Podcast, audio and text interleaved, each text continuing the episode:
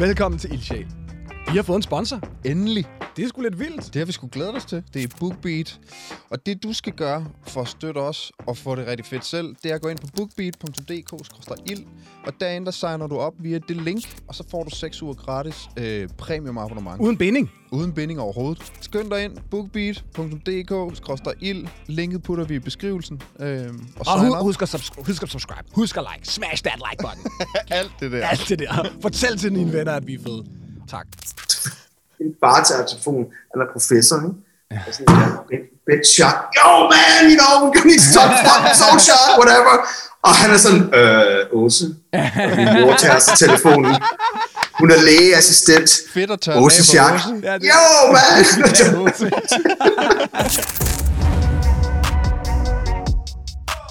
Velkommen til Ildsjæl. Det her er et program fra drømmer til drømmer.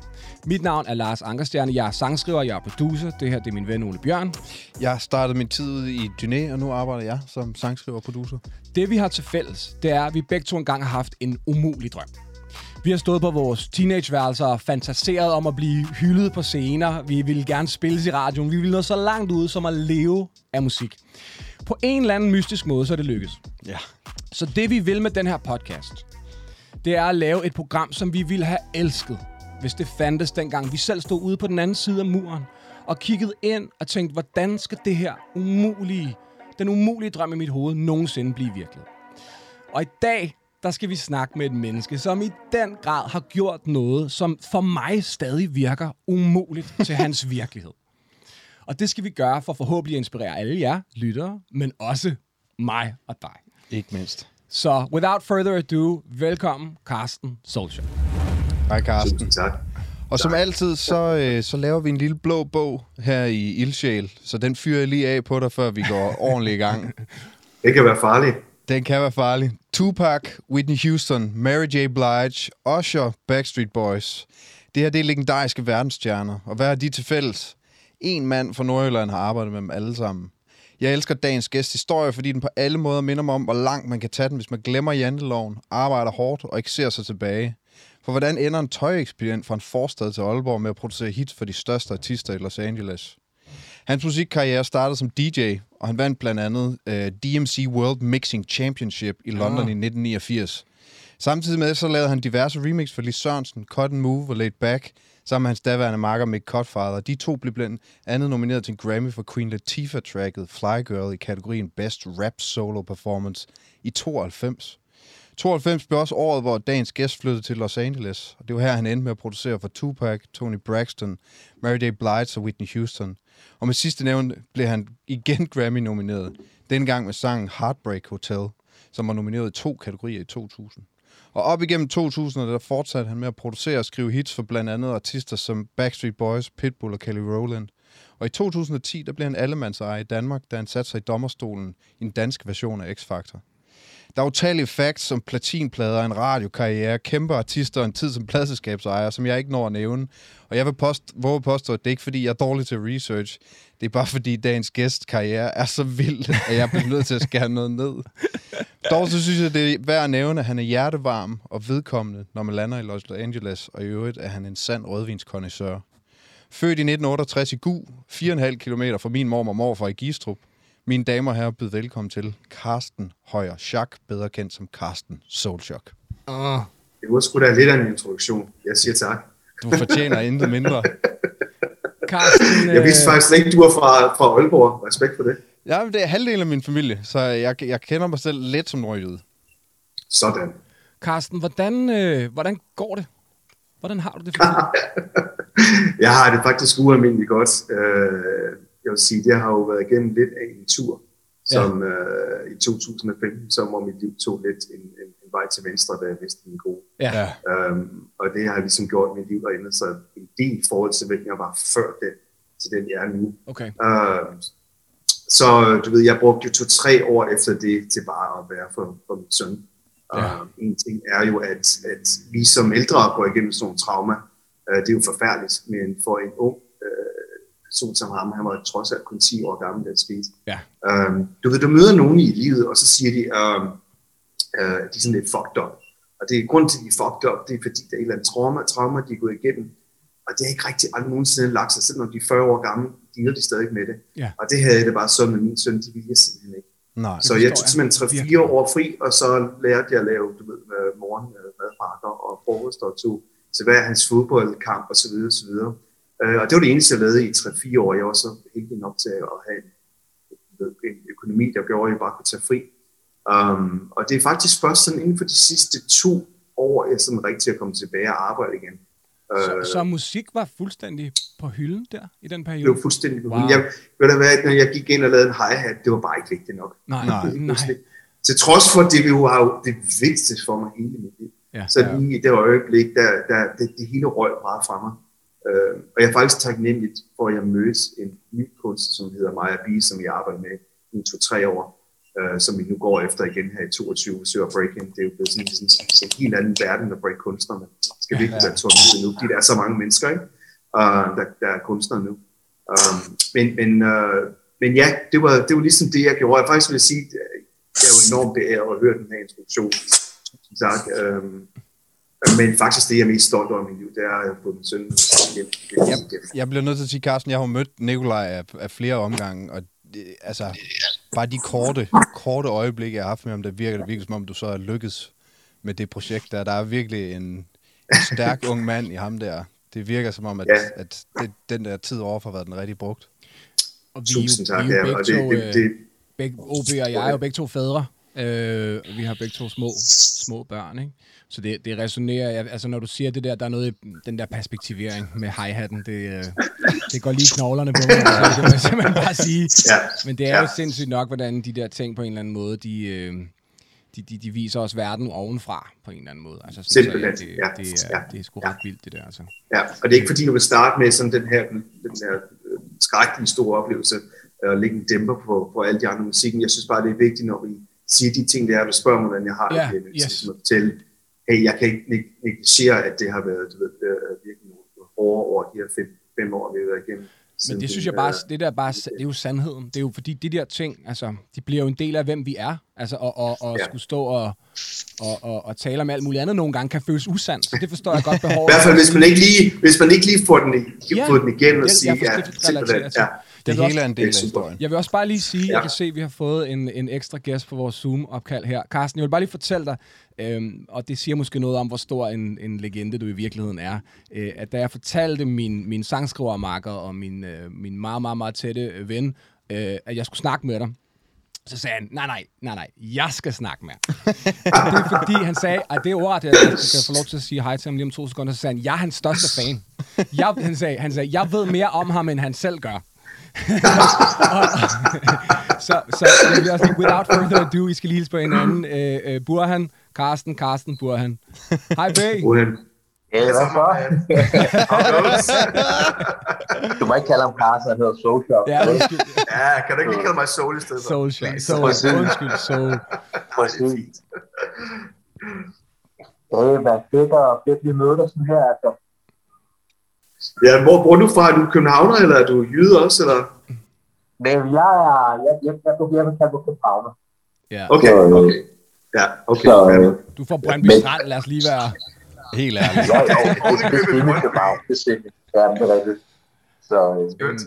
Men, men B, øh, så, så B, ja. B, og, B og jeg har jo tæt samarbejde, vi skriver masser af sange sammen, og, og er en stor del af hinandens liv og sådan noget, og, og, og han kan din diskografi på, på fingerspidserne, og, og, øh, og der er især, du ved, øh, der er jo selvfølgelig noget Tupac, det kommer ud af Tupac, du er virkelig B og virkelig dyrket øh, øh, Tupacs øh, liv og karriere helt sindssygt, men også, også alle mulige andre ting. Vil du selv sætte nogle ord på det? Der, du ved, hvorfor vil du gerne snakke med, med Social? Jamen, ja, jamen, jeg vil gerne, for det første har jeg chikaneret ham på et tidspunkt på Twitter, hvor jeg har sagt nogle af de her ting her, ja. som jeg gerne vil sige nu.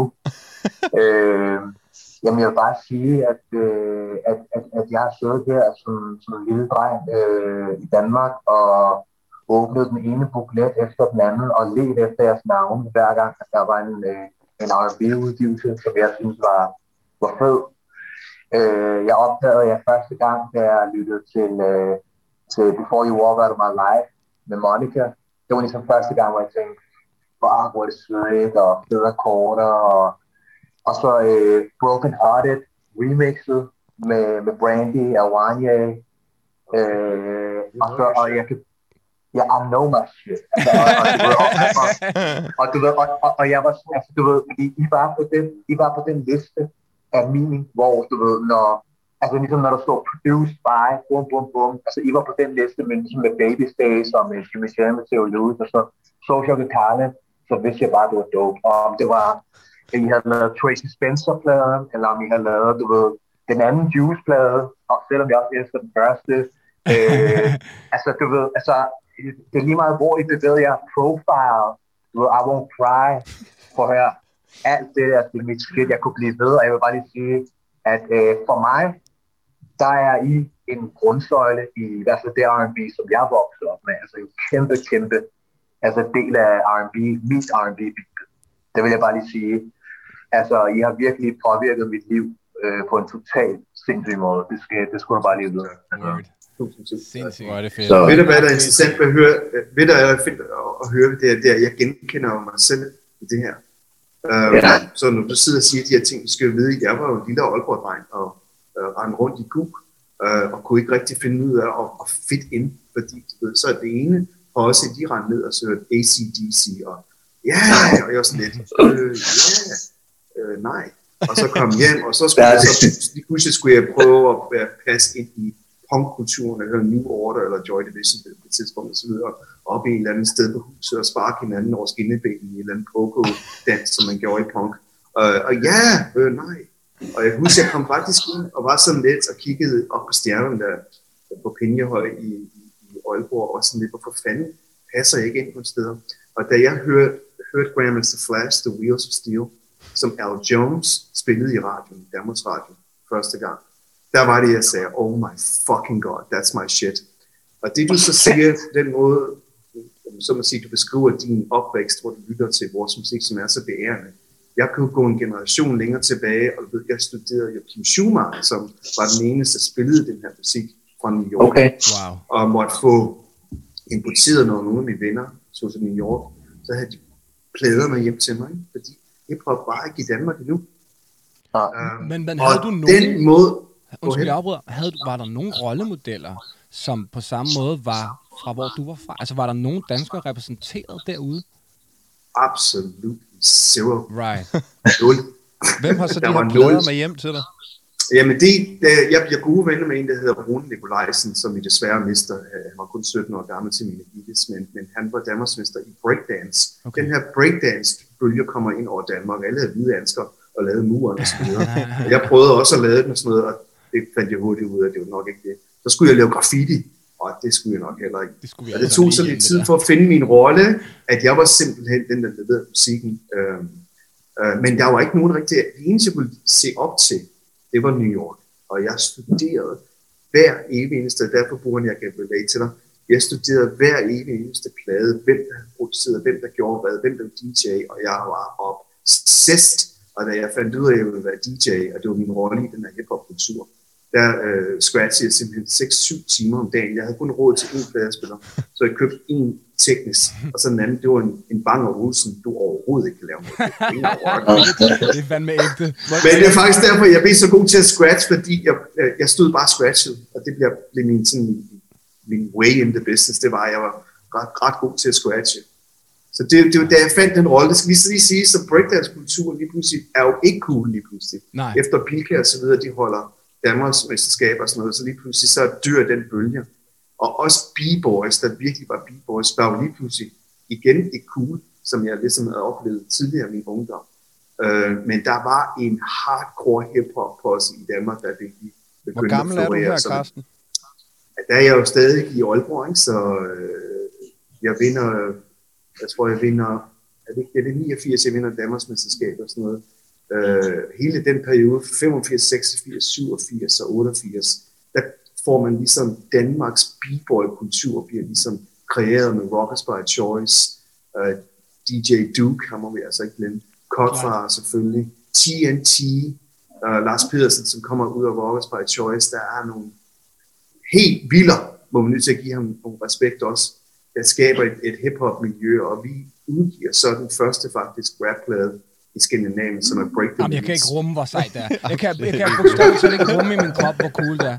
At Jeg er meget sådan... Øhm, det bruger vi meget tid på i den her podcast, men det er, fordi jeg er ret optaget af, af lynnedslaget, som jeg kalder det. Men, men jeg er ret optaget af, det. Kan, du, kan du pinpointe et moment i din barndom, hvor rapmusik dukker op? Altså, hvad er det? For mig var det Brenda's Got a Baby. Jeg har snakket med Burhan så tidligt om det i dag, at, at uden den sang, så starter jeg slet ikke en sangskriverkarriere. Det er bare sådan, at det, der sker en ung... Det rammer ned i mit hoved, så finder jeg bare, okay, det her, det er det, jeg skal. Kan du pinpointe Brenda got a baby. Okay. Ja, ja, Ja, men for ja. mig er det, det er, det er Simon L. Jones. Ja, you know, okay. Of Steel, som jeg siger. Det er det øjeblik, hvor jeg oplever, det er første gang, jeg hører hiphop. Hvor hørte du det henne?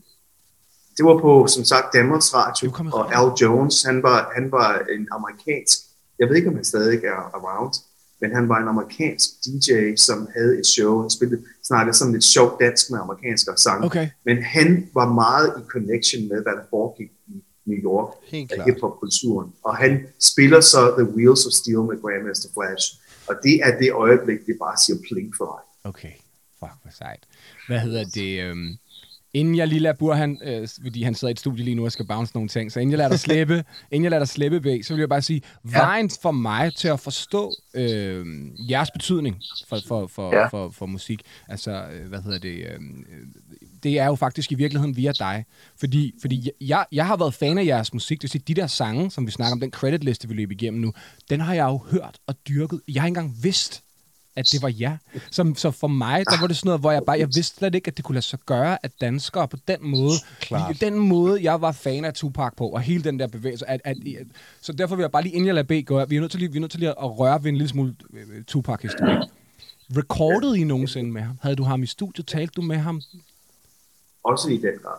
Ja. Altså, det, Ej, jeg ankommer, Ej. da jeg ankommer i, i, i LA, der øh, er vi begyndt ligesom, vi, vi prøvede New York først, det var simpelthen så hardcore. Puff Daddy, han var bare ruling, og DJ Premier, og Teddy Riley, og fuck man, how the fuck are we gonna compete with these motherfuckers? ja, ja, ja, ja. Men i, men i LA, der var der sådan lidt, der var, lige, der var selvfølgelig Dr. Dre og NWA og West Coast, men vi følte with all due respect, vi kunne godt compete. I kunne hang. Uh, ja, så hvad hedder det, ja, og jeg var meget hip-hop obsessed, jeg sagde til min manager, sæt lige vores beats ned til, til uh, rapper, især Tupac. Uh-huh. Altså, det ville jo være fucking drømmen. Og jeg får så et kald sådan cirka en uge tid efter, hvor min manager siger, man, I think fucking Pac wants one of your beats. og, og, og, og, jeg, og jeg var sådan fuldstændig fucking med at køre galt, mand. Så sagde jeg, okay, cool, sagde jeg så, det er helt vildt, så sagde jeg, jeg skal blive simpelthen nødt til lige at få dig til at gøre en tjeneste, og det er at ringe ned til Tupacs management og sige, vi er hvide. Ja, Og grunden til det, at det er, fordi på det tidspunkt, det kan måske være svært nu med Eminem og alle bare rapper og de både Det var en anden verden. Det for fedt at se. Men dengang, ikke nok med, at vi fucking hvide, vi er også to fucking danskere. Altså, Right. ikke lige meget mindre cool right. Ja. i, Right. i hiphop-kulturen. Og jeg havde været igennem noget i New York, jeg var blevet skudt på nede, i DJ, øh, nede på et hotel Amazon, hvor jeg var DJ og sådan noget. Altså, fordi Red Alert puttede mig bare ned i de her undergrundsklubber i New York, hvor jeg var DJ, og du ved, de her beatboys skulle lige vente sig til, at der var en eller anden på line der stod der og, Ja. og skulle spille deres musik. Ja.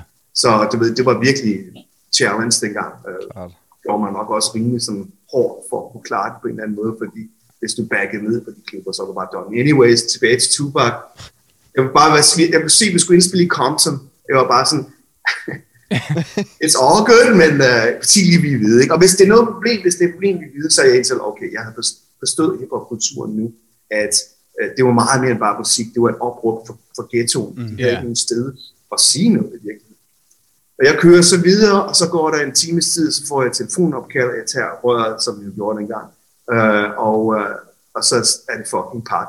Yo man, this is Park. I know who the fuck you are, motherfucker. Og jeg tænkte bare, okay. Okay. Og jeg var lige ved at sige, I'm so sorry, og sådan noget der, bla bla bla. Han sagde, I know your white ass. so I used to fucking carry your turntables and set your fucking turntables up, motherfucker. Hvad? Og jeg, så jeg ved hvad snakker du om, mand? Og jeg var sådan lidt forvirret. Ja, yeah, who do you think put your turntables up?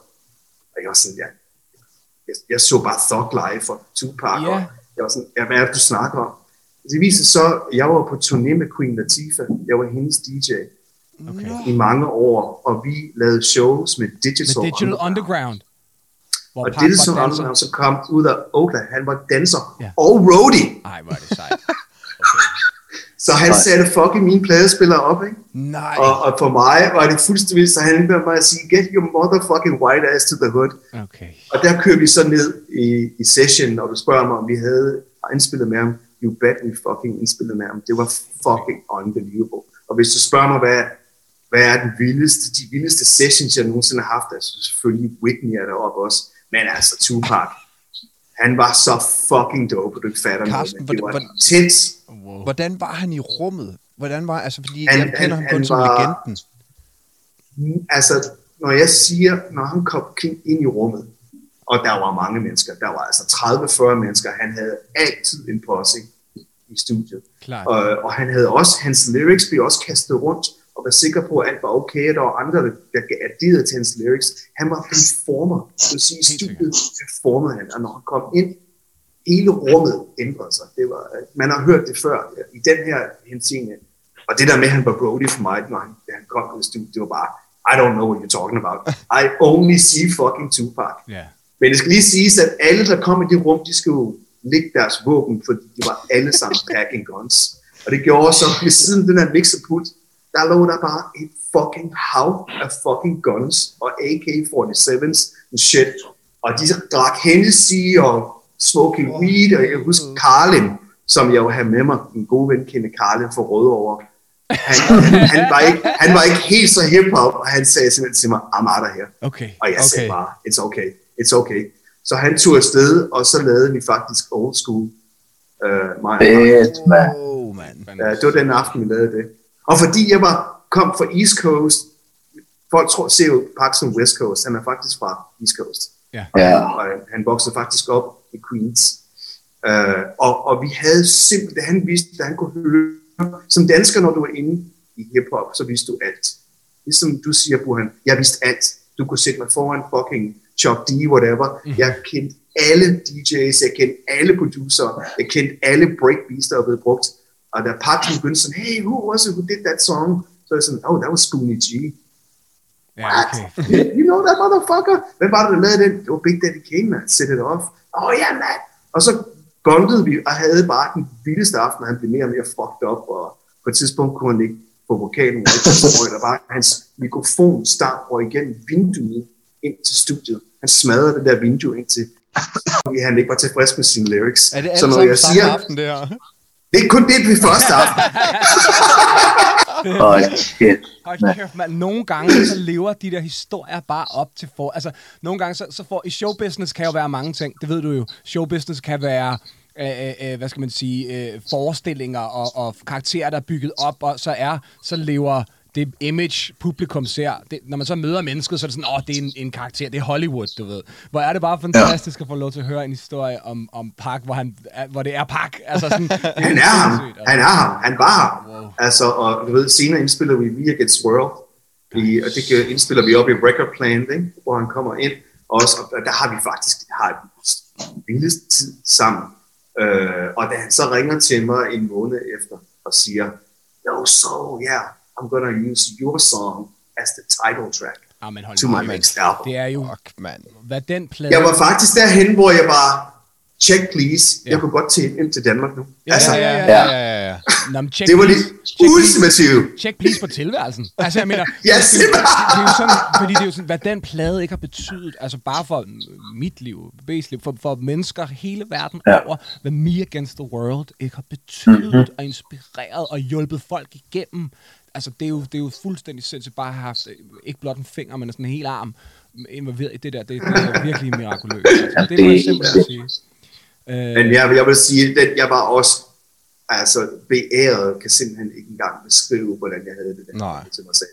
Det var så vildt. Jeg vil så sige senere, da Shook Knight begynder at komme ind i hans tilværelse, begynder det at blive lidt mørkere. Øh, Okay. Og det, der var interessant ved Tupac, det var, at han var faktisk opvokset med Afini, som jeg er ret tæt på også, eller var ret tæt på, hun har vi også listet.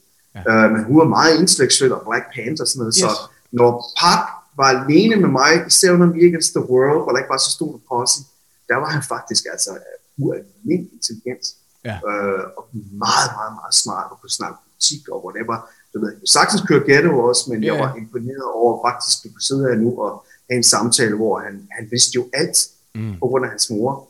Men da Shuk så kommer ind, så er det som om på en eller anden måde, den rolle, han spiller, det bliver måske lidt vildt, men fordi han var fucking, han var Han var ham, Ja, men ja. selvfølgelig... Ja, men, men Shuk, han begynder ligesom at få ham til at være rigtig at være hul, om Ja. man så må sige. Okay. Og begynder, begynder at komme, jeg husker på et tidspunkt, er jeg nede på House of Blues i LA med ham og Shug Knight.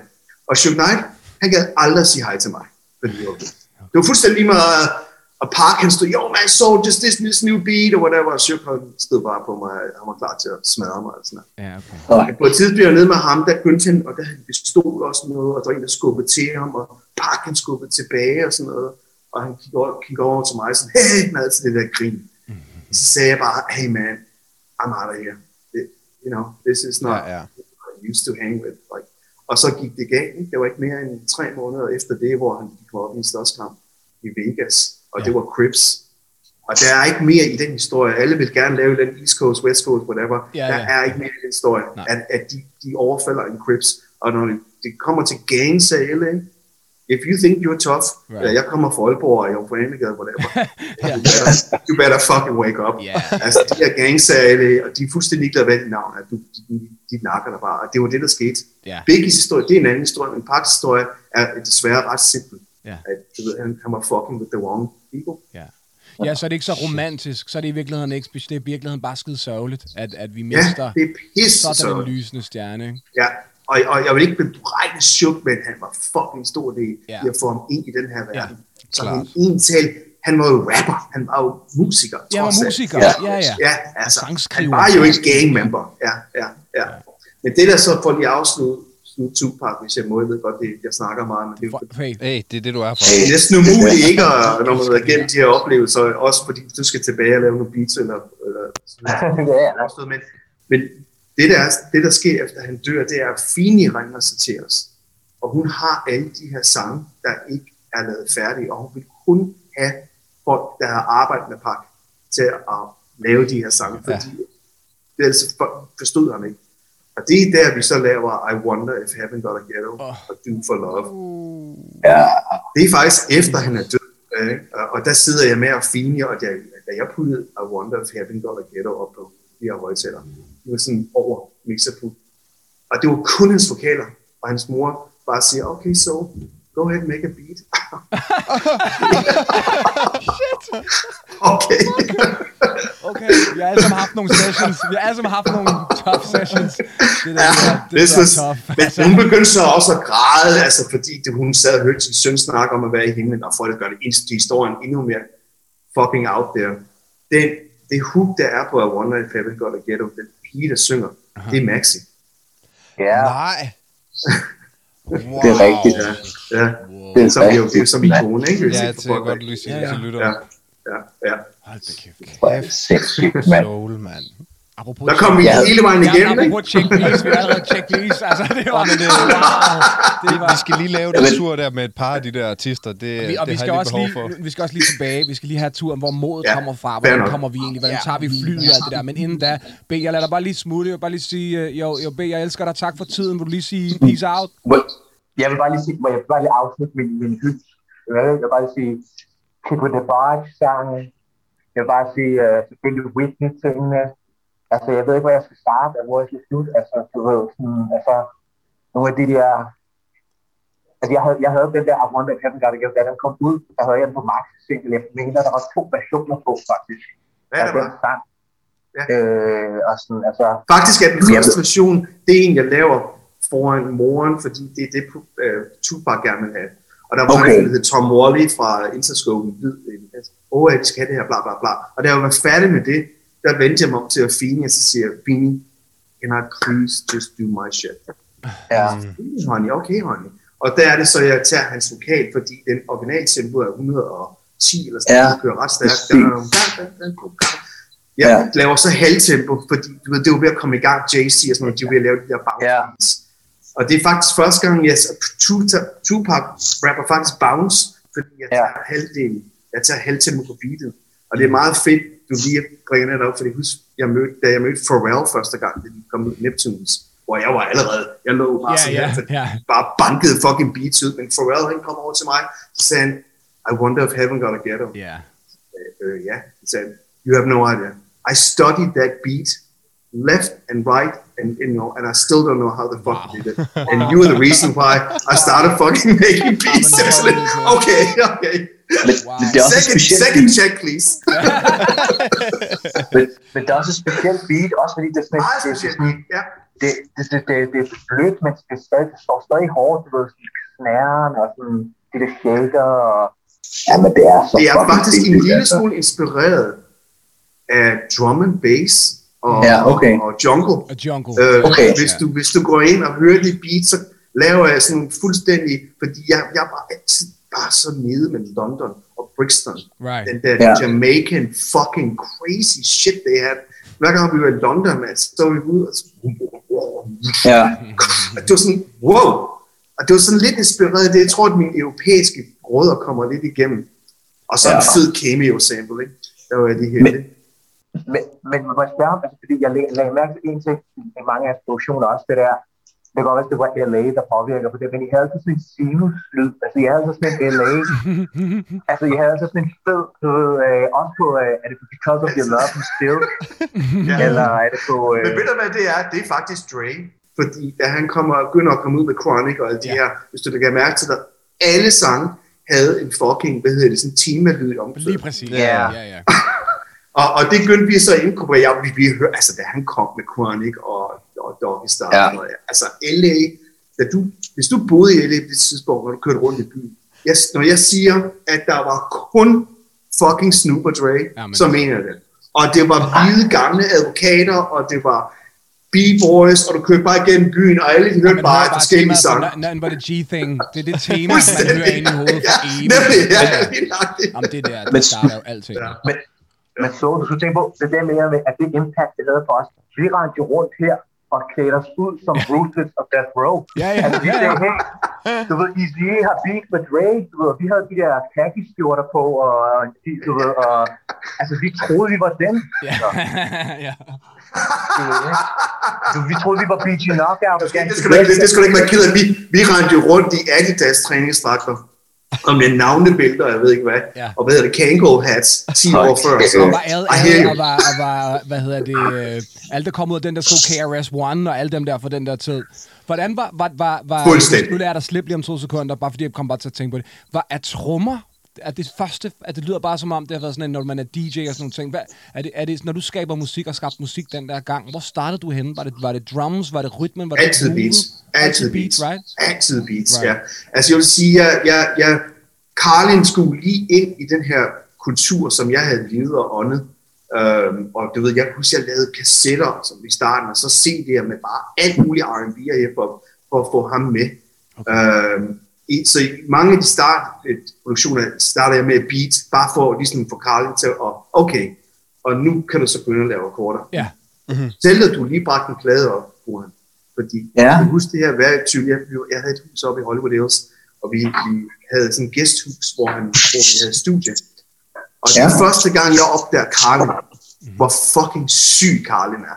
Jeg husker, Ja. ja. nede, i nede i vores hus, og Maxi lavede noget fried chicken, og, og vi havde Andrew og Martin på besøg, fordi Andrew og Maxi, de var begge så Island Girls, så det var en stor fucking lovefest. Og jeg, jeg var bare nede i huset chilling, og så hørte jeg pludselig en akkorder. Okay, tænkte jeg. Og så hørte jeg Andrew begynde at synge, og så kravlede jeg op i det der gæsthus, og stod jeg deroppe. Og da de var færdige med den sang, så sagde jeg, det er ikke nødvendigvis lige min stil, Ja. men det er det største motherfucking, og vi var vores første hit, vi lavede, det her, Karl. Wow. Og det var Before You Walk Out of My Life. Sindssygt. Men, De her korter, der hører du Carlin, han kombinerer nu hans opvækst, om det så er Chicago og Toto, whatever, han kommer op med. Han begynder at kombinere det med de her R&B akkorder, som jeg serverer. Og jeg vil sige, and we never look back. Right. right. altså, altså, Kør den der video, der starter med, med Monica, der sidder på taget der, med det der korte år, Og sådan, jeg sidder på mit værelse i Brøndby og kigger på den her video, så tænker jeg alligevel. Altså, Hun var kun 14 år. Hun var kun 14 år Ja, gammel. hvor er det også sindssygt. ja, men altså, Det kan man jo ikke forstå. Jamen, jeg ved ikke. Jeg, jeg bliver nødt til at ringe op personligt en eller anden dag og bare og Prøv at- på Jeg skulle og til at sige, jeg skulle til at sige, vi, Soul, Soul, vi kommer og besøger dig på et eller andet tidspunkt. Hvis du bare... Selvfølgelig gør jeg det. Så kommer vi flyvende, jeg, tager, jeg slæver ham der fra? Brøndby Strand med. Så, så må, Det er det. Altid. Jeg skulle lige til at sige det. Jeg har været på hans patio derude. Det er Godt så, Ole. kun good times. Altså, afsted med jer, drenge. vi kommer og nørder og spiller, og spiller nogle chords for dig. Altså, det, det, det, Ja, så klar. Er du sgu, Det er det. du skulle gerne tage en maksen frem og lave nogle beats. Ja, det kan du med, jeg tror, vi gør. Hey B, hey B, vi lader dig slippe nu, også fordi uh, vi har en vigtig sang, vi lige skal have uh, til at lykkes. Så, Ja. uh, ja. Men, men igen, prøv at høre, man. Min respekt, den er uendelig. Det skulle du vide, Carsten, okay? Det er. Det, det, det stopper ikke. Altså, det mener jeg fra hjertet af. Thank you. Fuck, Okay? sejt. Så. Tusind tak. Ja. så øh, I må have en dejlig Ja, aften tak. alle sammen. Okay? Tak, fordi du havde tid, B. Vi ses i morgen. Ja, ja, selvfølgelig. Vi ses, man. Ej, peace. Ej, peace. Thank Okay, you. vi ses. Hvad hedder det? Uh, I starten... I legendarisk. Check, please. Legendarisk, Det legendarisk var øjeblik, vi så lige fedt var- at ligge og sidde og, Jeg og- to og sammen, lytte det på var det der. magisk. Uh, så i starten af programmet, så snakkede jeg om det der med, at, at vores ærne med programmet, det er at inspirere, og, og, og, og ligesom sige, okay, den der umulige drøm, du har, den, den, den kan blive mulig. Mm. Og derfor er det jo fedt at snakke med dig, men jeg vil godt lige tage dig tilbage til den gang. Var den, var den egentlig nogensinde umulig? Altså, da du oplevede du nogensinde, hvordan fanden får man modet og drive, Jamen, jeg, og jeg, hvordan... det, det er very, very clear for me. Altså, jeg vil sige, da jeg hører, som sagt, Wheels of Steel, er jeg faktisk en del sammen med Henrik Milling, Ja. som jo, I kender, han, hed Dr. Jam. Han var også talt hiphop. Ja. Og jeg skylder næsten, jeg vil sige, alt til ham. Tro det eller ej. Ja. Det er ham, der gav mit navn. Soulshot kommer fra. Det er Milling, der giver mig det navn også, ja. Og han er virkelig begynder at, studere musik og whatever. Det er ham, der laver alle mine mix, hvad hedder det, shows, jeg laver til Danmarksmedskaber, og det er Milling, der satte dem sammen. Okay. Han var helt fantastisk, ja. Men, og det vil sige, meget hurtigt bliver jo, er jeg jo godt klar over, at jeg skal være fucking competitive. Altså. Og så vil jeg sige, jamen det var jeg bare på tur. Jeg, jeg var født, Så det Jeg er har ikke lidt. forældre, der har startet et eller andet i dig? Det, det, det jeg er var sgu bare- lidt off, for jeg var, jeg var fucking mega fucking confident, og Ja, jeg kan huske, jeg røg, jeg røg ind på Aalborg Teater og sådan noget, der var en eller anden notits i, i visen, hvor der stod, hvad hedder det, hey, hvis du blev med i den her rolle, Oliver Twist, eller whatever, jeg husker, jeg til min mor, lad os gå ind og gøre det, sagde okay. mor, det, det kan vi godt. Så sagde jeg til min mor, hvis vi tager dig ind, skal du bare vide, så tager de mig. så hvis du kører mig ind, skal du vide, hey, what the fuck is wrong with you, man? Så det var bare sådan, jeg var. Men nu lyder jeg, som om det bare har været en dans for Rose. Det var virkelig svært at, for det første at passe ind som teenager. Ja. Det vil sige, jeg var, jeg, jeg var out, og når folk bare ville drikke øl, jeg, ville ikke, jeg kunne ikke rigtig få ro i min krop. Okay. Og det havde, jeg meget, det havde jeg med mig. Jeg, du ved, det, jeg ville hele tiden rykke, og det var svært at finde nogle venner, der ville rykke også. Ja, Det, det, man bliver faktisk lidt en en af de ja, ja. ja. Øhm, og da så øh, jeg finder Rune, som ham her, hvad hedder det, øh, breakdance, Danmarksmesteren, finder jeg endelig en, en, en person, der har samme ambitioner og drømme som mig. Ja. Og han ville, øh, han ville være fotograf, og han studerede under Gunnar Larsen og skulle til Paris. Og Okay. vi var i gang med at tjene penge, og jeg tog, ville så også tage til Paris for at starte der. Jeg ville bare væk fra Aalborg. ja. um, og jeg ville måske gå i noget skuespil og sådan noget. Det, på det tidspunkt, vi mødtes, det var meget ungt, havde jeg meget gang i alle mulige og alle mulige forestillinger i tv og bare, og bare sådan noget. Men Rune dør, så jeg er kun 18, og han er 17, og han ringer til mig en søndag og siger, jeg har det ikke så godt, og jeg siger, shut the fuck up, mand.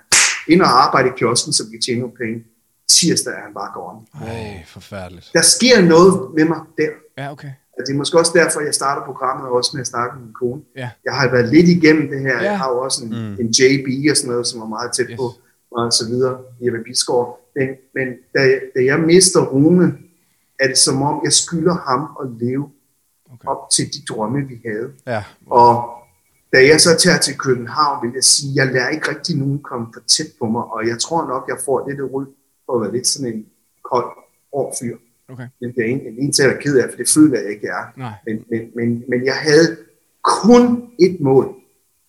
Det var at live up to those dreams, og der var musik kommet ind, og jeg var godt klar over, that's it. Det er musik for mig.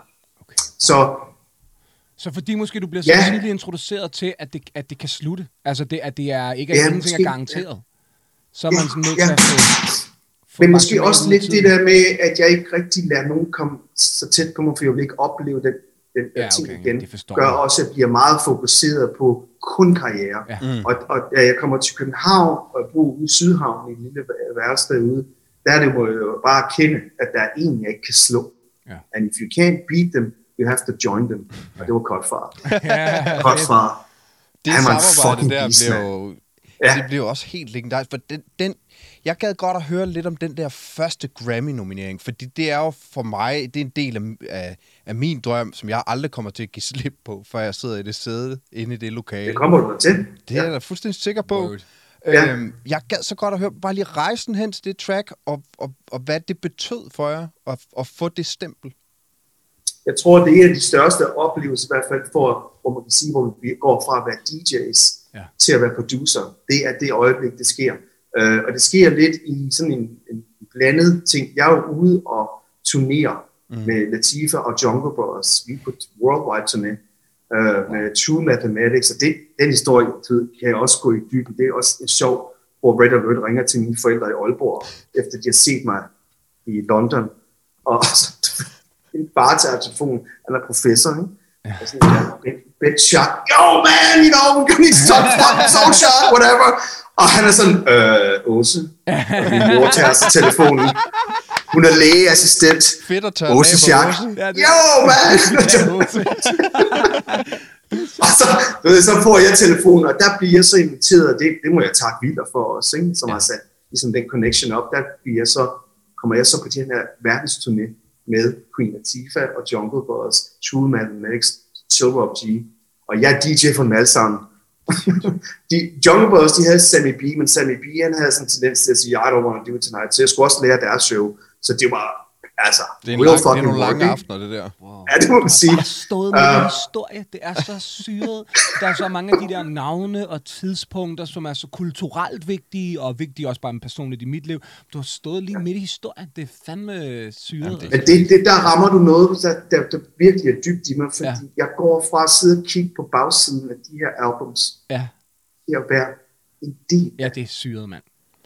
I din Og det var fucking vildt, du. Ja, det er jo Ja. vildt. Altså, jeg, relaterer, jeg relaterer til det på sådan et small scale i forhold til Danmark. Altså, fordi jeg netop, jeg når jo ligesom at se både Burhan og Nick og Jay og de Ja. der ting, ser jeg ude. Ja. Jeg når at være fan først, og pludselig Ja. er jeg med til at lave noget musik, men det er small, det er small fries i forhold til... Ja, men det er samme fornemmelse alligevel.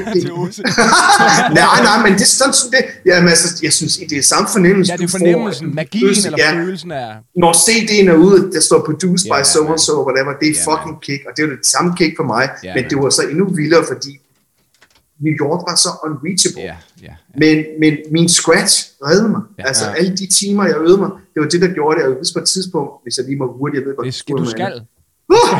det, det, det, er så mange fucking historier, ikke? Men, men, men på et tidspunkt vil jeg sige, på turnéen, når jeg går på scenen, den, turnéen hed Straight Out the Jungle. Ja. Og Latifah, hun var i afrikanske kostymer, og John Brothers, de smed fucking bananer ud af, jeg ved ikke hvad, the jungle, whatever. Og de første folk, de ser, når de kommer til sådan en koncert, det er det fucking blinde. White boy. Og jeg siger White boy. til dig, jeg blev budet. Jeg Okay. blev budet hver aften. Og det endte lidt med, at jeg tog den her og så tog jeg hvad hedder det, hatten helt ned. Men, og det eneste, jeg kunne gøre, det var bare at fucking begynde at scratche og mixe. Jeg lavede en mix Ja, ja. Sindssygt. Simpelthen. Ja. Og, det, og så blev så Quincy og så videre. Men, Ja. men det, det, det, påvirkede mig. Og derfor jeg lige vil sige den her historie.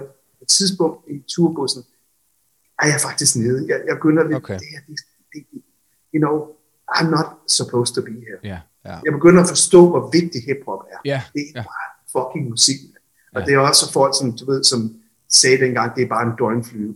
Ja. I just knew it. And look at it today. It's the biggest fucking ja. music in the world. ja. Men jeg, men jeg siger så til Latifah, you know, I don't think I should do this.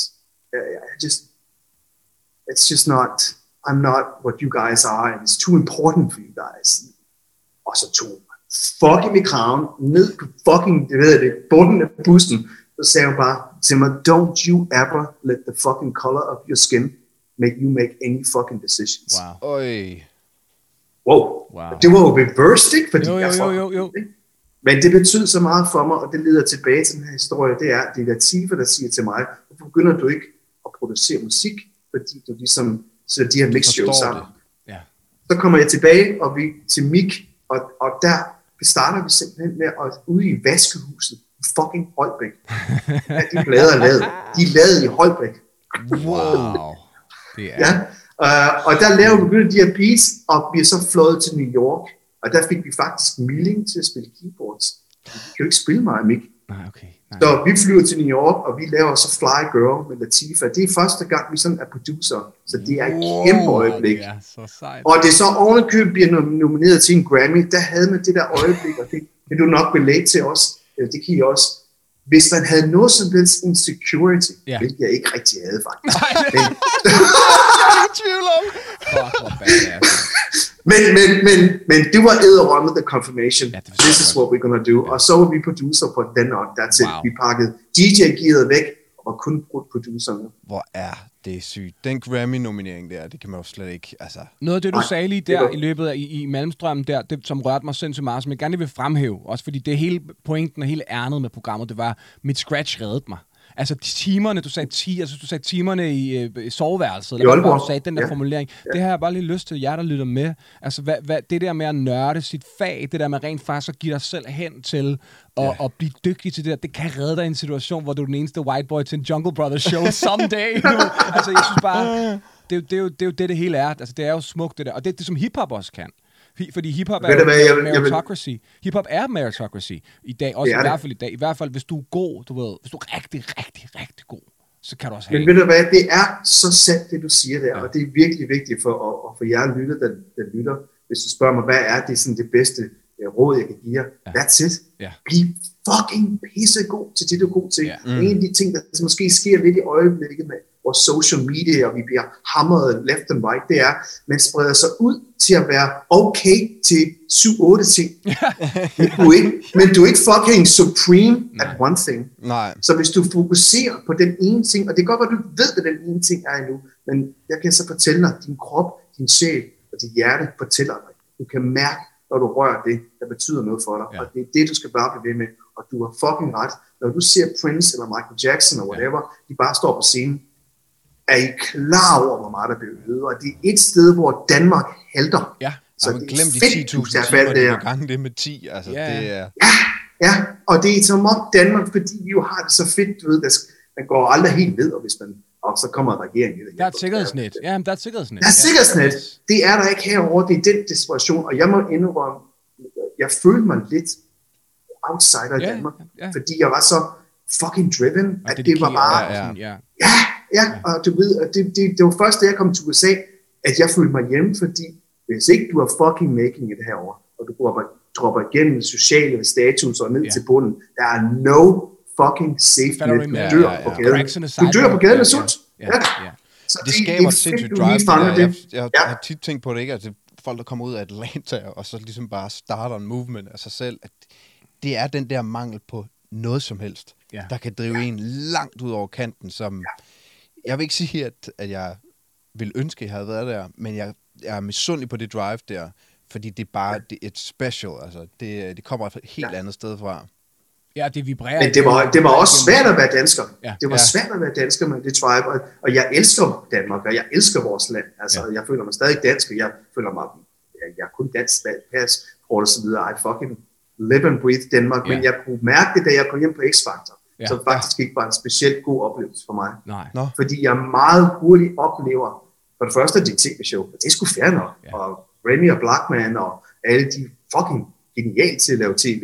Men jeg er jo fucking producer. og Producer, ja, ja. Jeg, jeg opgav mit liv, jeg opgav min familie, mine venner, jeg opgav alt. Jeg var kæreste med Tonja på det tidspunkt, så vi var bare Wow. tilbage. Og jeg skrev for hende, så vi boede sammen på Nørrebro, og jeg bare, jeg skal til USA.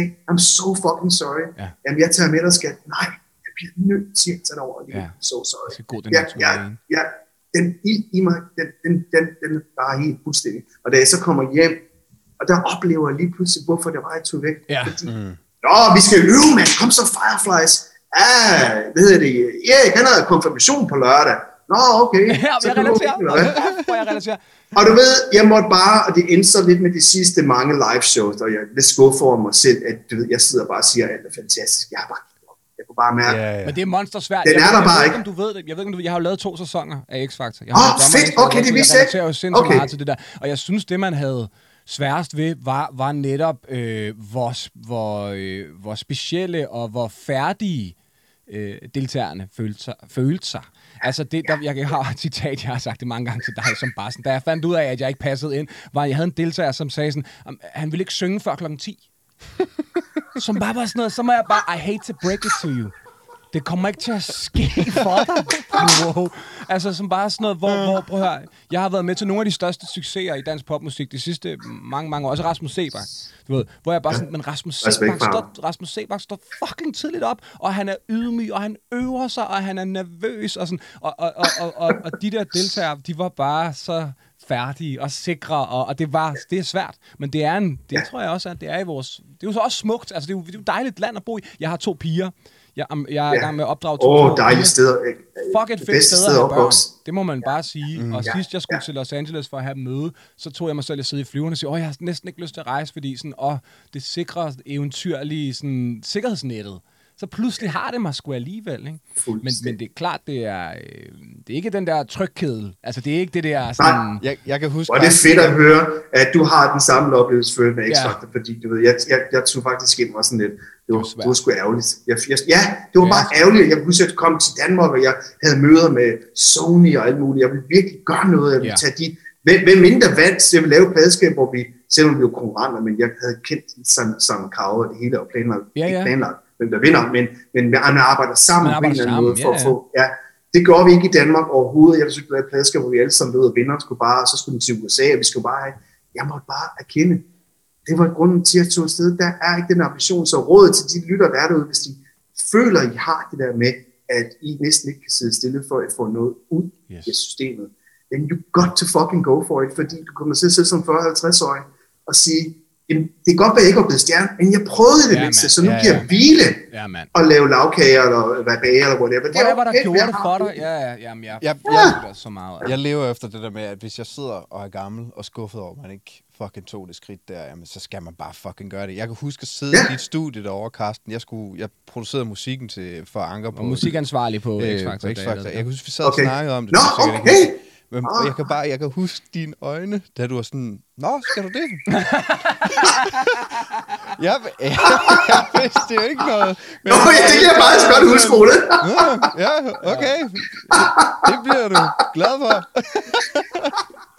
Altså, jeg føler... Jeg, synes, Jeg kan faktisk godt huske det. Jeg synes jo, det har været privilegeret at få lov til at sidde midt inde i maskinen og kigge. Altså, det er jo sjovt at være en del af det, som, som hele landet kigger på. Det er sjovt at få lov til at se det indefra. det. Det er spændende. Det er et eventyr, det ligesom alt muligt andet. Men, men jeg, ligesom ja. dig, fandt jeg også ud af, okay, mm, der er nogle ting, jeg har søgt væk fra hele mit liv. Det her minder om nogle af de ting, egentlig. Mhm. Mm-hmm. Altså, Right. Og så, øh, og så øh, ja, så skulle jeg sgu noget andet. Altså, så skulle jeg videre. Og det var, det var Og kæft, hvor kan jeg relate, ikke? Altså, det, det, du bliver lige konfirmeret i, hvorfor det måske det ikke lige var det, du skulle. Det var lige nok de ting, du ikke ville. Ja, der du var var meget mere seriøs. få af de ting, som jeg er rigtig god til, som egentlig kunne bruges. Som du selv siger, det er fjernsyn, man, man bilder sig selv ind. Når man alt det, jeg kan som writer og som producer, og sådan, jeg kan egentlig spotte, jeg tror godt, jeg kan spotte en artist, der fremelsker et eller andet. Og sådan. Der var næsten ingen af de værktøjer, som sådan rigtig... Det var sådan, Noget aldrig kom i gang. Ja, ved du hvad, nu skal, Det det, det, mest pinlige ved mig, det var, jeg kan huske, når, du ved, når man øvede de her live show, Ja, ja, så, ja. kunne man jo, så lavede man de her præøvelser. Jeg rendte op til mixerpulten og stod sådan og, lavede niveauer, Ja. ja. uden at tænke på, de niveauer, er du klar over, at de aldrig nogensinde bliver brugt under den her udsendelse. Det er fuldstændig wasting your fucking ja, time, det er ikke? bare sjovt. Det er rigtig producer. Det er rigtig producer. Ja, rigtigt. Ja, ja. jeg stopper lige, øh, jeg tror, og så jeg, jeg ja. som den her fanboy, jeg bliver nødt til lige at komme tilbage til Karsten i, nu Ja.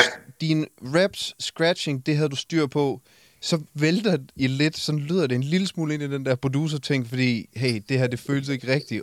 Og så blev Grammy nomineret for noget, der lyder som mere eller mindre nummer 8 eller nummer 6 sang, I er i gang med at producere, som startede i Holbæk. Men hvordan fanden får I så... Er det bare den der Grammy-nominering, der gør, at der er hul igennem? Og Nej, hvordan får I Nej. jer, eller hvad?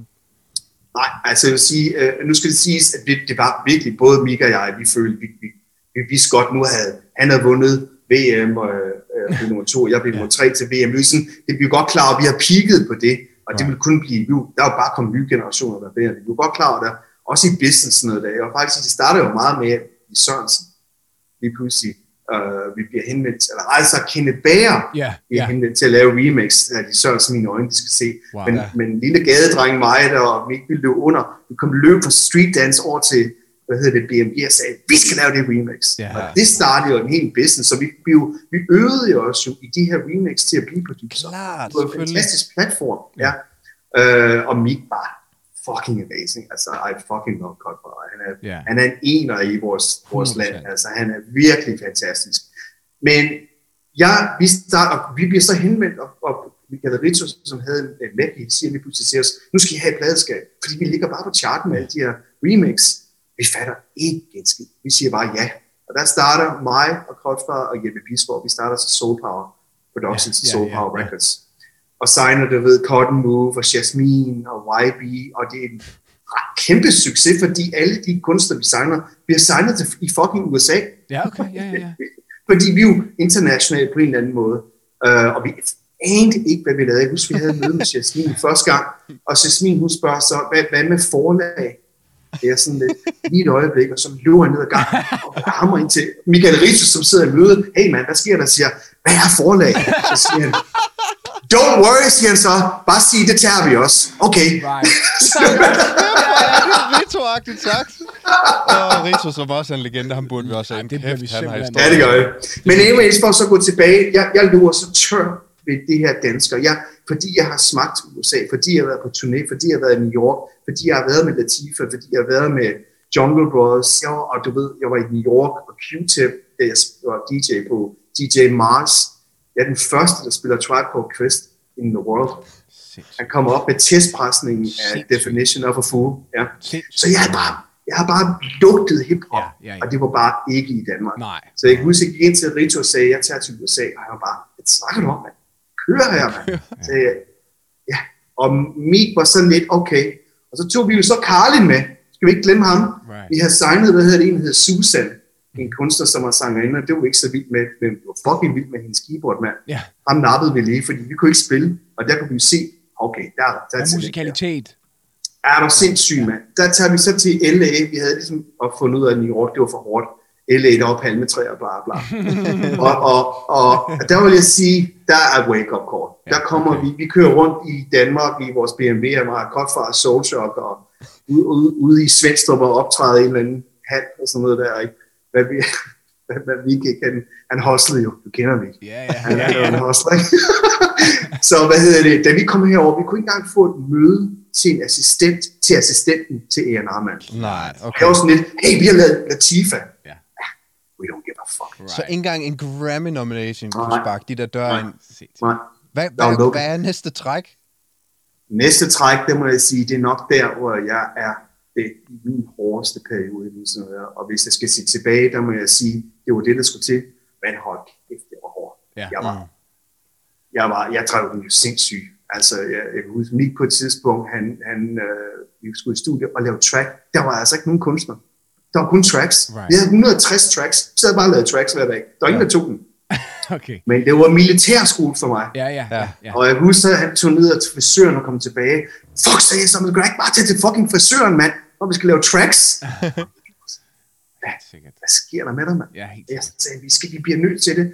Og jeg mistede simpelthen Mik der, ikke? efter seks måneder. Der, Okay, der, okay. der kom han, han, de kom begge over til mig og sagde, det her, det kan vi altså ikke. Du er for vild. Du har det for vildt. Du er fuldstændig gal. Ja, Og jeg var godt klar over det. Altså. Og jeg havde jo bare jo alene nu. De boede sammen, jeg boede alene. Jeg havde et roligt stød, og jeg havde Tonja var væk, og jeg var bare, jeg ville, det var kun den her drøm. Og det er måske det øjeblik, hvor jeg vil sige, mange ville stoppet her. Ja. Fordi det var fucking out der. Ja. Øh, og jeg kan huske, jeg kunne simpelthen ikke få mig til at blive. Men Kenneth, jeg sagde til ham, giv mig en tjeneste. Jeg giver dig én ting, jeg lover dig. Om seks måneder ligger vi nummer et i USA. Hvis vi ikke gør det, så det til hjem. Men jeg ved, at vi gør det. Så han kiggede bare på mig, og jeg grinede ikke. Så blev han, og vi kan også lidt, oh my fucking god, okay. så jeg tager hjem alene. Ja. Men vi tager så hjem og hooker op med Joe, Ja, ja. og de laver, øh, laver for kæmpe succes med det remix, The Return of the Mac. Return of the Mac, ja, ja. Hey, don't, don't sleep on du He's a? Fucking, Ja, ja, we know, hey, man. he's- Ja, men, men meget, og faktisk ikke mere end fem uger efter, endelig en af vores sange kommer til C.C. Penniston. Ikke lige det vildeste, men vejen ind, om Ja. man så må sige. Yes, yes. Og hun havde trods alt fucking Finally, der lå nummer et på charten. Ja. Og der skriver vi en sang, der hedder I'm in the mood. Aha. Den går fucking top 10 du, på. R&B chartsen herovre. Sindssygt. Og hvis du kigger på den plade, så står der produced by Social Cover and Carlin, selvom Mick overhovedet ikke var der. Okay. Men han var en del af den fucking journey for at være deroppe, ikke? Klart. Så, og, men det var sådan lidt starten. Men the ultimate breakthrough, det var det, vi startede med. Da Tupac er nede Ja. med os, Så det så er den er periode, alle der- nede med os. Ja, det er klart, mand. Så det er jo den periode, der, hvor, wow. hvor du Det er den periode. bliver ved med at skubbe til manager, ved. sende det ud, sende det ud. Altså, så det er, Fuldstændig. det er hustler Carsten fra Gus. Hustler! Der Are you fucking kidding me, man? sparker døre ind. Det bare også, Og jeg er tror, jeg tror også, Kenneth, uh, Kenneth vil også, du kan sagtens få ham til på showet og sige, og sige, det var ikke lige de fedeste dage. Nej, Men altså, nej. ja. Men de er vigtige. Men altså, der var også kærlighed, men, men, men, men jamen, jeg, var, jeg vil bare ikke, jeg vil næsten ikke have venner omkring mig. Vil bare være alene og arbejde, og that's it. Ja. Det bare, Men, men, det men var de bare, er så vigtige, de der tider. Jeg har virkelig også haft dem i mit liv, og nogle gange så gennemgår man dem. Jeg synes egentlig, det er utrolig fint at få sat ord på det. Jeg tænker, der er et JC-citat, som jeg altid tænker på i den situation, hvor han siger, Whenever there's a drought, that's when I brainstorm. Som, som jeg altid tænker på i de der perioder, hvor sådan, "Nå, men der, hvis ikke det er der, hvis der bare er tomt, hvis det ikke sker, jamen, så er det der, vi går i, jeg skal kalde det reps for dig den anden dag, Ja, altså gentagelser. Så må vi bare fucking, så bliver vi bare bedre, du ved. Så jeg kender godt det der trykkammer, det der mørke, og det er ikke så rart at hænge med. Og det er ikke så hyggeligt. Det er ikke så nej, hyggeligt. det er det sgu ikke. Men, det, men det er vigtigt, og det tror jeg også er vigtigt. Men det er også svært for os, for os der går igennem, ja, ja, fordi yes. vi, ja, vi har det, det, hænger også hele ansvaret. Vi har det. Men der er en lille tips, jeg vil sige, Ja, som ja. er tips, jeg vil give til lytterne, fordi det er faktisk den, jeg bruger inde i mit hoved. Og den er ret simpel. Det er, da vi tog til stedet til USA, den måde, jeg ligesom kiggede på den her ualmindelige drøm, Ja, jeg skulle prøve at opnå, Ja. det er make it short term. ja, Vi Ja. tog seks måneder ad gang. Ja. I de seks måneder skal du sørge for stabilitet, penge, Yes. mad og sted at bo. Har du det i seks måneder? Okay. Så i de seks måneder, når du har sparet de penge sammen, og du har fundet det sted, du vil bo, der er ikke et øjeblik i de seks måneder, du doubter på din fucking drøm. Not one minute. You will be number one. We will take out Babyface. We will take out Timberland. Wow. We will fucking, you know. Wow. Og, og du må ikke doubte i de seks måneder. Ja, ja. Når de seks måneder så er gået, så er der tid til at doubte. Wow. Så sætter du ned, og så siger du, hey Kenneth, og vores management, hvordan er de her første seks måneder gået? Mm. Skete der nok i de her seks måneder, til du tager seks måneder til? Ja. I, vores, I vores tilfælde næsten. Ikke rigtigt, vel? Fordi vi. Men vi tager så seks måneder til, men det er måden, jeg virkelig vil prøve at fortælle folk om, Ja. hvordan de skal gøre det her. Fordi ellers så bliver det for stor en mundfuld. Om Der det er hvor folk laver fejl. det der, øh, Soul. Ja, Og det, du snakker om der, det er jo direkte overførbart til whatever din drøm er. Præcis. Det, der, det synes jeg bare er... Det er Og jeg ser så mange, som går igennem den. De har en uge, hvor det går godt, så næste uge, ja. så er der ikke nogen sange, der bliver solgt. Så begynder det doubt. Måden at gøre det her på, det er, der er ingen fucking doubt. Men det er okay, når den her periode, du har sat, Yes. at du så tager det op til revidering og siger, hvad det er. Men i den, hvis du så tager seks måneder igen, så er du på spanden igen. Der er ikke så meget som et lyd. Det der implementerer no doubt. i morgen af, Ja, altså det, ja. eller i nat, det starter nu, det der. Det starter nu.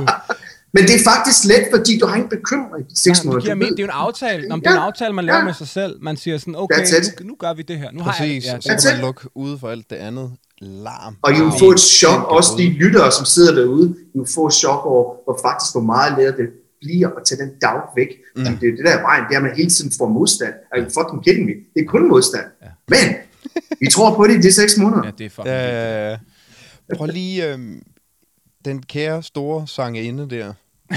skal vi skal lige have det et moment. For min skyld. Ja, for, for For min skyld. Kan, kan, vi vende, kan vi vende... Jeg synes bare, Ja, det er utroligt, kære. jeg bliver nødt til Men- bare lige at høre... Lidt, hvis du vil, Men jeg vil- tage sådan en Tupac-turen, men bare med hende. Det kan du tro, jeg vil. Altså jeg vil sige, det der er mest heldige, det er, da, jeg, da vi snakkede om det forrige Walker of My Life med, med Burham, det var, det var jo Clive Davis. Ja. Vi kom jo ind under Clive, og der kommer den igen, jeg lige vil sige hurtigt. Vi, vores første møde med Clive Davis, så gik vi ind og spillede tre s- sange, og han spillede alle tre sange. Og Ja. vi sad nede på et eller andet fint hotel i Beatles, og så sagde han, it's the worst fucking three songs I've ever heard. Fedt. Wow. Og mig og Kenneth, okay. Og så, thank you, så, I'll, I'll see you later. Så kom vi ud, på vej ud af døren, så siger assistenten, som før var Keith Natley og Larry Jackson, og de her, som jo er store mennesker nu, hey, Clive wants to see you again in two months. What? Okay, Det har lige sagt. Han testede os. okay. Så kom vi tilbage anden gang og spillede tre sange, og han lytter til alt. Ja. It's absolutely fucking terrible. Let me play you the songs I'm taking. Så spillede han Jimmy James og Lewis, Ja. LA Babyface, Ja. og det var Whitney. Så Ja, ja, ja, ja, ja, ja. Vi måtte bare kende. Ja, ja. Vi måtte bare kende. Er de Hey, forhold? vi får test, mand. Ja, ja, ja. Wow. Og tredje gang vi kommer tilbage, der har vi Before You Walk Out med, i kufferten, og jeg starter med at spille den. Han stopper bare. Så kigger han over på advokaten og siger, make a deal for this record, we're taking it. Wow. Og så kigger han på mig, og så siger han, I'll guarantee you goes number one. Og det gjorde den. Nej, nej, Så blev nej, vi. nej. Og så blev vi med Clive. Og, og Clive blev en del af vores liv, og i den dag i dag, min advokat, det er hans søn, jeg er så tæt på Wow. Davis family. Jeg skylder alt til ham. Klar. Øh, og jeg vil sige, det er også det øjeblik, hvor man kan knække, hvor man Ja. får sådan en stor her til at Ja, fortælle det. ja. Og der skal du igen, en af de ting, vi, jeg også oplever danskere, hvis jeg lige må undskylde, jeg ved godt, Mm. jeg have Whitney-historien, I'm so sorry. Men det er det, vi laver her. Ja, en ja. af de ting, vi, vi, når vi kommer til USA, vi ikke er så gode til, det er at være humble. Ja. Mm. Og hvordan kan jeg nu sige det, når jeg siger, hvor kokke jeg er? Jamen det er fordi, når du møder en herover, der har opnået mere end dig, Ja. og det du gerne vil opnå, Ja. så skal du lære herover. det har taget en lang vej for ham at komme yes. så højt op. Mm. Og hvis du kommer med den der, du skal ikke tro, du er noget, Mm. dansk mentalitet, Mhm. mm-hmm. over for de mennesker, som har brugt hele deres liv på at være i en position, de er nu, så kommer du aldrig til at arbejde med dem. Mm-mm. Der skal vi lære noget, som vi ikke ligger i vores kultur. ja. Det er respekt. Ja. Yes, Mr. Davis, Yes. I fucking suck. Ja. I hear you. Yes. Hvorimod, hvis der sidder... Lige meget, hvor jeg dope du selv jeg snakkede- synes, du er. Altså, Ja. lige meget, hvor... Ja, ja, ja, ja. Man kan, det kan godt Det der med, at snakke meget om det her, Ja. Nick og Jay, da Ja. ja. de var herovre. Ja. Jeg elskede deres confidence. Ja. Men, men, men, Ja, ja, ja. Herovre bliver du nødt til at have et gen, som vi ikke har lært i Danmark, hvilket er Ja, ja. ydmyghed og respekt for, fordi vi bare er, du skal ikke tro, du er noget. Vi, I'm not going down for anyone. Nej. But you better fucking go down. Ja, ja. Ja, ja, ja. Det er smukt. og så der. videre. Men, Jamen, det er og der smukt. kommer vi så, der, der, der kan huske, så, så Heartbreak Hotel, det, det, det er bare en af de sange, vi havde bare, vi skrev bare sange. Ja. Ligesom Ole, du skriver sange, og Ja. du skriver sange Yes. i studiet. Vi, vi, vi, vi ikke selv, så vi skrev ikke en sang til Whitney Houston. Nej, nej. Alle folk tror, Sindssygt, egentlig. kidding Ja. I don't know who the fuck's gonna sing the song. Right. Men da vi kom ind og spillede den, og sådan Clive, once again, vi var blevet vant til nu, jo, han bare tog vores sang. Make a deal for this Men song. da, men da han sagde, I think maybe Miss Houston should do this. Wow.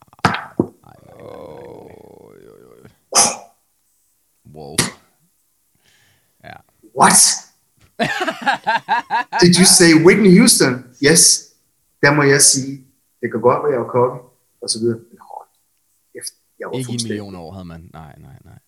Ah, men for Havde jeg nogensinde regnet med, at jeg skulle arbejde med Whitney Houston? Ja, sikkert nok i min sindssyge ambitiøse, men alligevel ikke, tror jeg. Ja. Det var, det var, det, er, det var altså stort. Så Var- fløjet til New York. Var det, Ja. Jeg bliver nødt til at spørge det om det samme igen i rummet med hende. Recorded i. Ja. hende. Var I, var I, Ja, ja, ja. Vi- vi- Det kommer nu. Ja, vi bliver så fløjet til New York, og hun har en kæmpe palads ude i New Jersey, Selvfølgelig. hvor hun bor med Bobby Brown. Ja, shit. er også Og Babyface er i gang med at indspille med hende. Og vi møder Babyface, vi bor på den der Waldorf Hotel, vi bor. Og Babyface, han kommer ind ad døren. Hey guys, han havde ligesom set os nu, vi var på samme plade. Two fucking annoying little fucking white boys. You know? og han sagde, uh, good luck with Whitney. Ja. Say, what do you mean? I've been going to her house eight times. I still have not been inside. Okay. Og Babyface har bare, I'm out of here. Okay. Så kom det. Så kom limoen næste dag, og vi kørte til Jersey. Det var altså halvanden time. Vi kiggede ud den store gate. Sorry, Miss Houston's not available today. okay. Så det er ikke ind til Manhattan. Sådan kørte de i to uger i New York. Bare hver dag. Hver dag. Hold kæft. Men, men, men, men altså... Var det et spørgsmål om følelse? Var det bare, hun skulle bare føle den? Hun skulle bare være der? Hun skulle, eller hvordan? Hvad No. handlede det om? Her and Bobby Brown Ja. were partying their fucking Klart. ass Okay. off. Okay, Are selvfølgelig. you kidding me? Ja. Det er her, hvor det hele Det kører er der, det Bobby piker. og Whitney. Ja, okay. 12. gang kørte ud og sådan en der, vi ud til gaten, så går den fucking op. Okay. Og vi kører ind, og jeg er så... altså, okay, og Kenneth, han har kraften med skidebukserne også, ikke? Og vi har trods alt været i studiet med alle mulige, sådan noget, men, men ikke Whitney Nej. Ikke, ikke. Jamen, det er en anden Altså planet. Michael Jackson, Whitney Houston, det var sådan noget Ja, ja, uopnåeligt næsten. ja. Vi kommer så ind, og hende Robin, som er hendes assistent, hun kommer så ind og tager os ind, og et- i studiet fuldstændig sygt SSL fucking 9000 med 130 kanaler og whatever, fuldstændig patrup Ja. og assistenter og pis og lort og whatever, og jeg Nå, sidder, bliver nødt til lige at spørge, har I, har I bånd med, eller hvad, hvad har I med? vi havde ADAT, Okay. Wow. ja, vi kørte på ADAT, hvis jeg Wow. Hårdt, mand. Så Ja, og så havde vi en, ja, bare ind og plug ADAS ind, og så havde vi Manny med som var vores øh, tekniker, som jo også var erfaren tekniker. Og øh, Manny Marroquin, for Henter så- ikke... Manny American, ja, han er, Wow. ja som, Hva- Hvad? Var, han, var han jeres tekniker? Ja. så Manny Manny var jeres tekniker? jeg i et, han finder jeg i et studie i Enterprise. Vi laver et remix med Barry White og TLC. Ikke det her. Og Manny, Wow. Manny, han serverer os kaffe. Nej, hvor er det sindssygt. Wow. Og Manny havde langt hår. Det kommer, nok- han kommer til at hade mig nu. Ned til, hvad hedder det, til numsen. Han rigtig, hvad hedder det, Julio Iglesias, whatever, whatever. altså. uh, og jeg, jeg, jeg, jeg er fuldstændig obsessed med Teddy White på det tidspunkt. Min ingeniør, jeg siger, jeg skal have den der fucking snære til at fucking smadre rummet. Kan du ikke Ja. bare få den til at sige, bap? Ja. Og han, løb, Ja. løb. Ej, jeg sagde, bap, mand. Så kommer Manny, som er vores runner. Is it okay if I? No, it's not fucking okay. You touch the fucking board. Are you fucking crazy? What are you gonna do? så går han over. Så siger han bare lige tre ting. Så siger min snære, fucking Teddy Riley.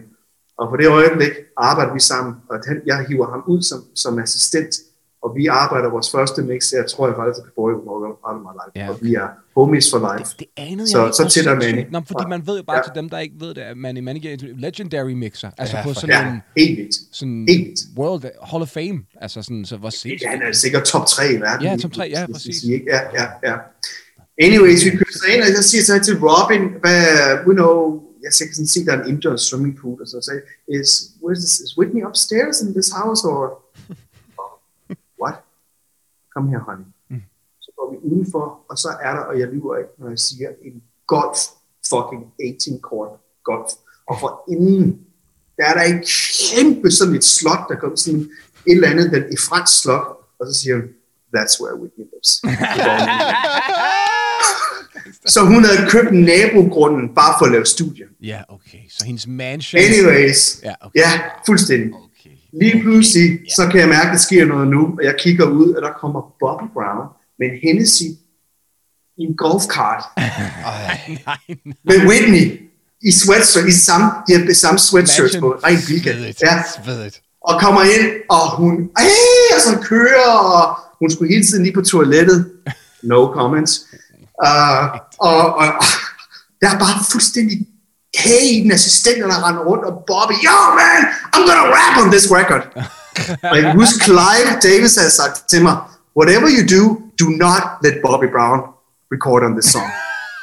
og jeg havde ingen kontrol over noget som helst. Det too much Og, han, responsibility. og det er fuldstændig vildt, og hun siger, okay, let's go, honey, let's go. Og der er, de er, der er klar partystemning, ikke? Altså, Ja, ja, fucked up. de har det. Hun går så ind i rummet der, og vi starter båndet, og hun synger af helvede til. Nej. Ja, okay. Fucking Whitney Houston, man. Fordi vores, igen for at gå tilbage, det er lidt ligesom Heaven Got a Ghetto. Ja. Vi havde lavet det der bounce halvtempo. Det vil sige, hun skal ligge og bounce over beat. Det har hun Aha. aldrig gjort. Nej, nej. Hun har sunget ballader og sådan Ja, noget. ja, ja, ja, ja. Du, du, du, du. Ja, ja. Og hun var helt lost her. Og da jeg så er færdig, sidder vi så nede, og jeg kigger over og jeg siger, der er no fucking way, jeg fortæller Whitney Houston, at det ikke lød godt. Ja. Og han kigger på mig, are you fucking kidding me, tror du, jeg skal fortælle hende? Vi sidder og har sådan en lille skænderi, og Whitney nu står inde i det der vocal booth der, hey, what's going on here? Ja, ja, ja. Så kom hun ud, og så sagde hun, hey guys, you wrote this song, you produced this song, you programmed every instrument in the song, it's your song. Tell me how you want me to sing it. Åh, Sindssygt. hold kæft. Gik hun ind og lavede 6-7 takes, der var elendige. Mm-hmm. Ja. Og så sagde hun, I'm done, Bobby, let's go. Hennessyen op igen, golfkart, kører rundt, du han er så fucked up, Bobby, sådan, der vil vælte fire gange med bodyguards, der lå ved siden af, og sådan noget. Det var helt grotesk. og jeg var fucked, og Clive Davis ringer så og siger, how did it go? Ikke nok med det, så havde jeg også Bobby Brown herinde og synge, this is the heartbreak hotel. Ja, ja, ja. Det havde han også, det havde, det havde han lige fået en ingeniør til at gøre om på vores track. Så alt, hvad jeg skulle gøre, var gået galt. Ja. Og jeg sagde bare til Yes. Clive, it's going fucking amazing. og jeg, Wow. så kom redningen var jo, at på den sang havde vi Faith Evans Ja. og, og Kelly. Jeg helt glemt, hvad den hedder til efternavn. Det var helt vildt. Men der, der var jo tre på den her Heartbreak Hotel. Ja, Det må du lige... øh, Du det må er lige fact. Ja, ja, ja, ja. Ja, okay. Men Faith og Kelly, de kommer så næste dag. Mm-hmm. Og øhm, Kelly Price. Hey Price, Nice. man. Ja, ja, ja. Okay. Ja, ja. Uh, og Faith, hun kommer. Altså, lige sige Faith Evans. Killer. Magical. En, en stemme. Ja. Jeg er faktisk ikke klar over, hvor det var. Nej. Og hun kom ind og sang de her præmove, og vi var fuldstændig blown away. Og så Ja. kom Kelly ind, ikke? Ja. Og Kelly, are you fucking kidding me? Ja. Gospel runs for fucking days. Og. Kelly, jeg husker, han stod op på et tidspunkt, hvor han stod bare, han var fuldstændig euphoria med Kelly Price. Ja. Mm. Godt. De, okay, vi havde det fedt, og kæmpe hop, de tager sådan klokken så 5 om eftermiddagen. Vi skal hjem om mandagen og, og, og spille den her for live. Og vi har Faith og Kelly, og så har vi Zero og Whitney Houston, Ja. og så vi Bobby Brown. Og så Bobby Brown. Heartbreak. Hotel. Så jeg ringer så op til øh, huset. Øh, der var altid sådan en bodyguard og security. Og, så, og, hey, can I speak to Miss Houston, whatever. Hey, honey, what's going on? Uh, we're done. Okay, good, I'll see you. Så jeg, jeg, jeg, jeg, jeg tror måske vi skal lige høre vokalerne. No, no, no, no, no, I trust you. It's, it's amazing. We, we, me and Bobby are right now. We, we, you know. Jeg, okay, sagde så. There's just one problem, sagde så. Clive Davis has told me I can't leave without playing for you. Hvilket var totalt bullshit. Ja, okay. Men jeg, jeg, jeg, jeg skulle have det. Du skulle finde- ja, ja, Altså, der var ikke noget at gøre. Jeg skulle, og så var hun lidt, okay, hun fucker ikke med Clive. Altså. Og hun lige ved at sige, I'll just tell him. Så jeg, okay, siger we'll come down. og så kom det igen. Hennessy, golf cart, same fucking show igen, og med 500 assistenter og alt muligt, og egentlig stod. Men, jeg satte hende foran fucking putten, og så, da jeg sagde press play, Ja. og så kunne hun høre, hun fik så meget fucking baghjul Ja. af Faith. Ja. Og hun lød som lort Ja. på hendes plade. På hendes record. Og jeg stansede den bare, og så var stille, og Bobby begyndte at snakke, shut up, Bobby! Mm-hmm. Så var lige pludselig, everybody leave the room. Get my fucking this, get my whatever, hun havde sådan en ting med nogle røgelse, altså, Ja, ja, ja, ja, alle mulige ting, og hun ordner alle rundt, og dim the lights to like 4.6, bla bla bla, Ja. put the air condition on 72, Så du ramte ilden. Du, Så faktisk, du fik, fik konkurrencedyret. Sådan, gik hun ind, og jeg siger til dig, så gik hun ind, og det var så fucking på ryggen, var ved at falde af, hun helvede. og jeg siger til dig, hun leverede, altså vi var bare blown away, men vi fik kun tre takes, men det var tre Whitney fucking takes, og da hun kom ud, hun var exhausted, var hun fuldstændig, hun fandt sit gamle jeg der, Ja. Flammen, og så ja. sagde hun bare, okay, so, Wow. så sagde jeg, hey, one last thing, sagde jeg så. I have this idea, because you and Bobby, I can see how close you and Bobby are. Yeah. What about you guys do the Heartbreak Hotel together? oh, that's kind of cute. Så går hun ind, synger det en gang, this is the Heartbreak Hotel. No, I don't like it. That's okay. bare, Fine. Og det er det, vi looper hele vejen igennem. wow. That's the witness story. Okay, ja, det er sindssygt. Er der, er der drømme nu, altså i horisonten? Altså kan du stadig nogensinde få det sådan, altså er der noget, du mangler øh, at erobre, eller er der sådan, hvad, er der noget derude? i- Ja, ja, altså jeg, jeg, jeg, jeg, jeg elsker, når jeg ligesom bliver challenged en lille smule, og Ja. ja. jeg er blevet challenged lidt med min nye kunstner, Marian B. Ja, Du ved, og så er det en Christian Skyldstrup, der siger til mig, hey, hvad skete der med mig og sådan noget der. ja, ja. Ah, Okay, Okay. okay, okay, let me show you. ja. Så jeg, jeg vil gerne gå ud, og man så må sige, jeg har lige sagt til Kenny, we're gonna do one last round. ja. Okay. Fordi vi har lige solgt vores musikkald nu, så sådan Og tillykke med det. Vi læste om det ja, okay, også. Hele branchen snakkede. Det kan jeg love Ja, tusind Jeg tak. dig for, Ja, det, var en, ja. det var en dag i dit liv, det var også en dag i vores. Det var, en, det var en dag i dit liv, det var en uge i det var Danmark. en uge i Danmark.